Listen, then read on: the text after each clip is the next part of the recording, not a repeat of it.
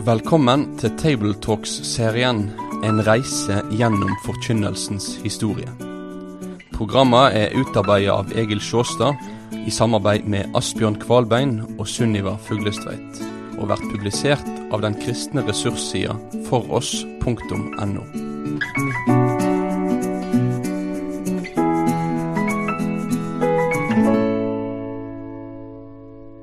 Velkommen til en fortsettelse på reisen gjennom forkynnelsens historie.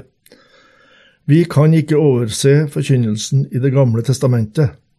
I det gamle Israel framsto det flere som var utvalgt av Gud og utsendt fra Gud nettopp for å forkynne. De hadde et budskap til folket i den bestemte situasjonen folket var i. Ifølge Det nye testamentet hadde de dypest sett adresse ikke bare til samtida, Derfor ble budskapet nedskrevet.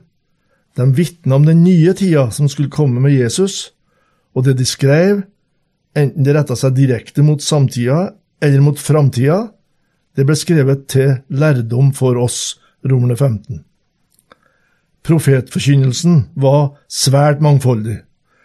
Det vi her vil, er å stanse for et par hovedmoment.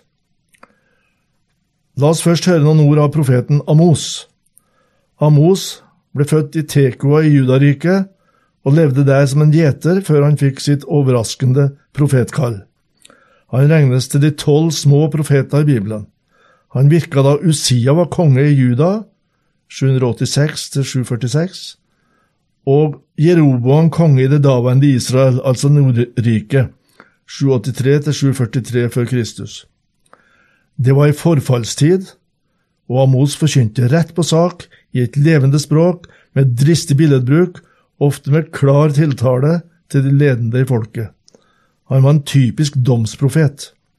Gud ville ikke holde dommen unna om de holdt fast ved urett, ugudelighet, ubarmhjertighet. Amos var en slags Gammeltestamentets Hans Nilsen Hauge. Israel var Guds eget utvalgte folk, det er hans utgangspunkt, og skjelningen mellom politikk og åndelig liv var ikke sånn som i Det gamle testamentet, i Det nye testamentet. Det vi kaller Den gamle pakt, hadde ordninger for politisk, juridisk, religiøst og sosialt liv som ikke forplikter oss i Den nye pakt. Men utdraget fra Amos sin bok viser at forkynnelsen hans hadde en grunntone basert på Guds skapervilje for alle mennesker. Derfor merker vi med en gang at vi ikke kan skyve budskapet unna og overse konsekvensene av det for våre holdninger i det sosiale og politiske liv. Merk stigningen i uttrykksmåten vi nå skal høre, når han skildrer utviklingen i folkets grove overgrep mot marginaliserte mennesker. For tre misgjerninger, ja, for fire, vil jeg ikke forandre. Gud vil altså ikke ta tilbake sin plan om domshandlinga med folket, for det var ikke bare tre, det var mer enn tre typer misgjerninger det sto om. Så sier Herren, for tre misgjerninger av Israel, ja, for fire, vil jeg ikke ta det tilbake. For de selger den uskyldige for penger og den fattige for et par sko. De tråkker den hjelpeløse hodet i støvet og bøyer retten for de undertrykte. En mann og hans far går til samme pike, så de vanhelliger mitt hellige navn. På pansatte klær strekker de seg ved hvert alter, og vin som de har tatt som bøter, drikker de i Guds hus. Se, jeg vil trykke dere ned, like som en vogn full av kornbånd trykker allting ned. Den raske skal ikke finne noe tilfluktssted, og den sterke skal ikke kunne bruk, gjøre bruk av sin kraft, og helten skal ikke kunne berge sitt liv. Bueskytteren skal ikke holde stand, den som er lett på foten, skal ikke berge seg, heller ikke rytteren på sin hest. Den modigste blant heltene skal flykte naken på den dagen, sier Herren. Merk den frodige billedbruken han har. Poenget, det finnes altså ikke noe smutthull for noen. Alle stilles til ansvar så sant de er blant dem som har begått sånne overgrep og ugjerninger. Også de som har vært vant til å redde seg unna ved dyktighet eller knep. Og så vil vi høre noen ord av profeten Esekiel. Han var prest og tilhører de senere profetene. Det fortelles at han ble bortført sammen med flere personer før ødeleggelsen av Jerusalem i 587 før Kristus. Han profeterte om rikets fall. Hans profetgjerning fortsatte inn i fangenskapstiden, og han virka fra 593 til 571 før Kristus. Esekiel fikk avgjørende betydning for gudsfrykt og gudstro i den tida folket var i eksil. Også Esekiel profeterte til samtida, men domsprofetiene kan også følges av visjonære løfter om en ny framtid. Gud skal gripe inn, ta seg av sitt folk, og vi ser konturene av en helt ny epoke. Utdraget vi nå skal høre, er eksempel på hans framtidsprofetier. Jeg vil oppresse en hyrde over dem, og han skal røkte dem, min tjener David. Han skal røkte dem. Han skal være deres hyrde, og jeg, Herren, vil være deres Gud, og min tjener David skal være fyrste blant dem. Jeg, Herren, har talt. Jeg vil gjøre en fredspakt med dem og utrydde villdyrene av landet. De skal bo trygt i ørkenen og sove i skogene. Jeg vil gjøre dem og landet omkring min haug til en velsignelse. Jeg vil sende regn i rette tid, velsignelsens regnstrømmer skal det være. Dette var fra Esekiel 34. Det vi hørte fra Amos, var fra kapittel 6 i Amos bok. Det Esekiel her sier om den gode hyrden som skal komme, det gir oss noen aha-opplevelser når vi leser om Jesus som sa 'Jeg er den gode hyrde'. Liksom i synagogen i Nasaret så stiller Jesus seg så å si midt inne i slike tekster fra gammel GT, når han presenterer seg sjøl som den gode hyrde, den unike.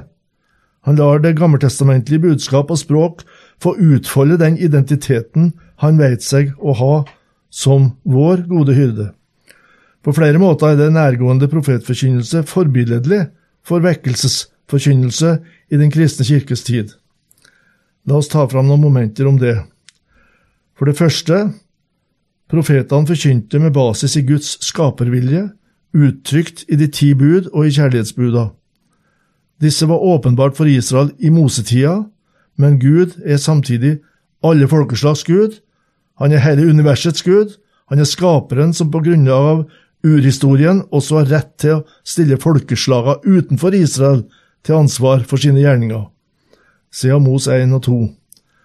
Det profetene forkynte med forankring i Guds allmenne bud, allmennetiske bud, er normgivende for alle til alle tider, ikke bare for Israel der og da. Når vi i dag holder fram profettekster, skal vi derfor adressere søndag og tiltale tilhørerne etter analogiprinsippet. Det vil si, da gjør vi det på en måte som tilsvarer den måten profetene adresserte på, og situasjonen de sto i, sjøl om situasjonen vår er en annen. Og adressatene er noe som da ikke bare dem utenfor, dem som ikke tilhører den troende kjernemenigheten. Tiltalen gjelder egentlig også dem som regner seg som Guds folk, faktisk som stoler på sin religiøse tilhørighet og sin gudsdyrkelse. Ikke sant, Synnøve? Mm. Og jeg tror vi har lett for å tenke at um, ikke-kristne trenger noe i forkynnelsen, og at kristne trenger noe annet. Og så blir vi av og til stående mellom det spennet. Men jeg tror det er viktig å huske på at kjernen, eller på en måte faktum, er jo at vi begge trenger å høre evangeliet. Eh, men da tror jeg òg det er viktig å huske på eh, gode elementer som f.eks. at en tenker gjennom eh, på hvilken måte har dette relevans for disse menneskene sine liv, både kristne og ikke-kristne. Snakker jeg med nå et forståelig språk? Har jeg en applisering som de kan ta med seg videre i livet? Men jeg tror i hvert fall det er viktig å understreke det at evangeliet er noe som både kristne og ikke-kristne trenger å høre på nytt og på nytt. Og profeten Jeremia forkynner, vi leser fra Jeremia 7, vers 4. Fest ikke lit til løgnaktige ord når folk sier, Her er Herrens tempel. Herrens tempel, Herrens tempel. Men dersom dere bedrer deres veier og deres gjerninger, dersom dere skifter rett mellom mann og mann, og ikke undertrykker den fremmede, den farløse og enken, og ikke utøser uskyldig blod på dette stedet, og ikke følger andre guder til ulykke for dere selv, da vil jeg la dere bo på dette stedet, i det landet jeg ga deres fedre fra evighet til evighet. Ja, og dette er tiltale til folk som med nyere språkbruk synder på nåde. Vekkelsesforkynnelse har alltid måttet regne med opposisjon imot det de forkynte, sånn som profetene opplevde. Å holde fram Guds bud, Gud, Guds bud på en så nærgående måte vil kunne framprovosere en forsvarsvilje hos tilhørerne. Det fenomenet kan altså like gjerne være et tegn på at den er på rett spor, som at den er på feilspor. Tilhørere bøyer seg ikke for ordet, men forherder seg imot det. Både i Bibel og kirkehistorie har vekkelsesrøster derfor ofte, ofte blitt forfulgt. Andre ganger har folk som har blitt ramma i samvittigheten og har følt seg tiltalt av Gud, de har bøyd seg for budskapet. Det er det som også skjer når vekkelsen når fram. Det opplevde Jonah for eksempel da han hadde profetert i Ninive. Det var altså forkynnelsen av synd basert på de ti bud. Men for det andre, profetene løfta ofte fram frelseshistorien for sine tilhørere. Guds historie med folket var en frelseshistorie, tross alle episoder der dommen rettmessig ramma dem. Ikke minst fortellingen om Exodus, utgangen av Egypt, og frelsen gjennom havet var trosstyrkende. I framtidsforkynnelsen løfta de fram det Gud igjen vil gjøre til dom og til frelse for folket. Ja, perspektivet sprenger grensene for Israel. I de såkalte sangene om Herrens lidende tjener sier Gud.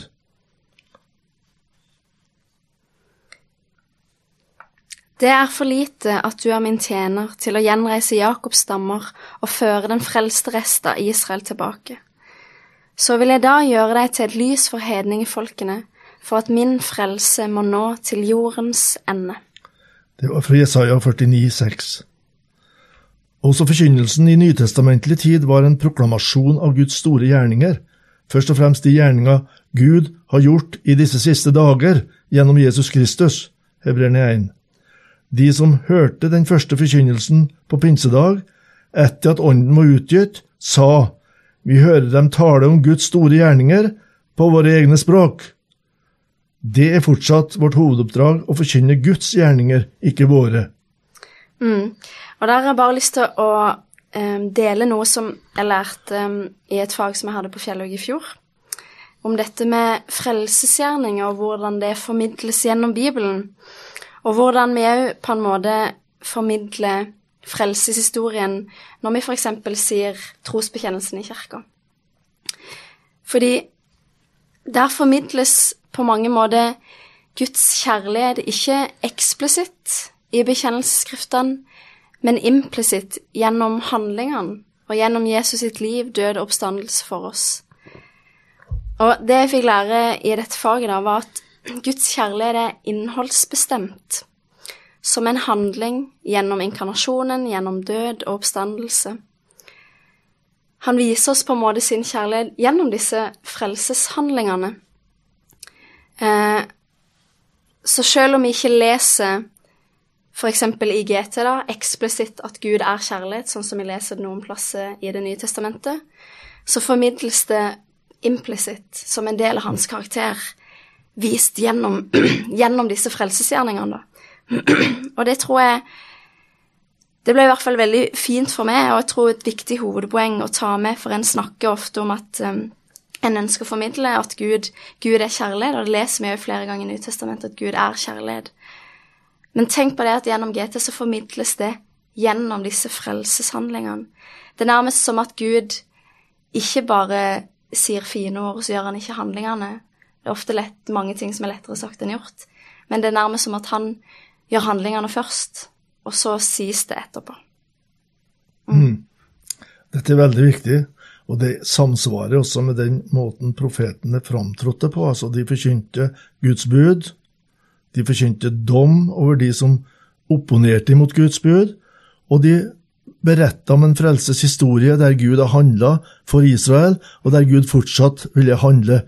Og så peker de framover mot Jesus. Noen ganger ble frelsesforkynnelsen og trøsten vevd sammen med domsforkynnelsen. Altså, hvis dere omvender dere, så Noen av de frelsende gjerningene som profetene beskrev, skjedde allerede i innenfor gammeltestamentlig tid, f.eks. For i forbindelse med hjemkomsten fra Babel, Isaiah 40-55. Men i og gjennom slike frelsesbudskap så løfta profetene blikket framover mot den frelse som er knytta til den nye kongen, den fullkomne Davidssønnen, han som fullt ut virkeliggjør Messiasløftene. Han skulle også inkludere heidninger, altså ikke-jøder, i sin menighet, og han skulle ikke bare herske med makt, han skulle vinne seg sin menighet ved å lide og dø for synda og stå levende fram som seierherre, jf. disse sangene om Herrens lidende tjener hos Jesaja. Profetene hadde dermed både forth-telling, dette er engelsk uttrykk, tiltale til samtida, forth-telling, og foretelling, omtale av framtida. Forutsigelse. Begge deler på sine agenter. Oppfyllelsen av doms- og løftesord angående en nær framtid kunne være avhengig av at folkets respons, som i Ninive, eh, at de responderte. De løftene som peker framover mot Davidssønnen, understreker ofte det globale perspektivet. Han kom for Israel og for folkeslaga, sånn som vi leste fra Jesaja 49. Det var alt vi hadde i dag, og så går vi videre neste gang med døperen Johannes. Takk for at du har vært med på denne reisa gjennom forkynnelsens historie. Vil du lese mer om temaet? Da kan du kontakte oss på postalfakrøllfoross.no for å bestille denne serien i bokform. Besøk òg gjerne foross.no for å finne flere aktuelle ressurser.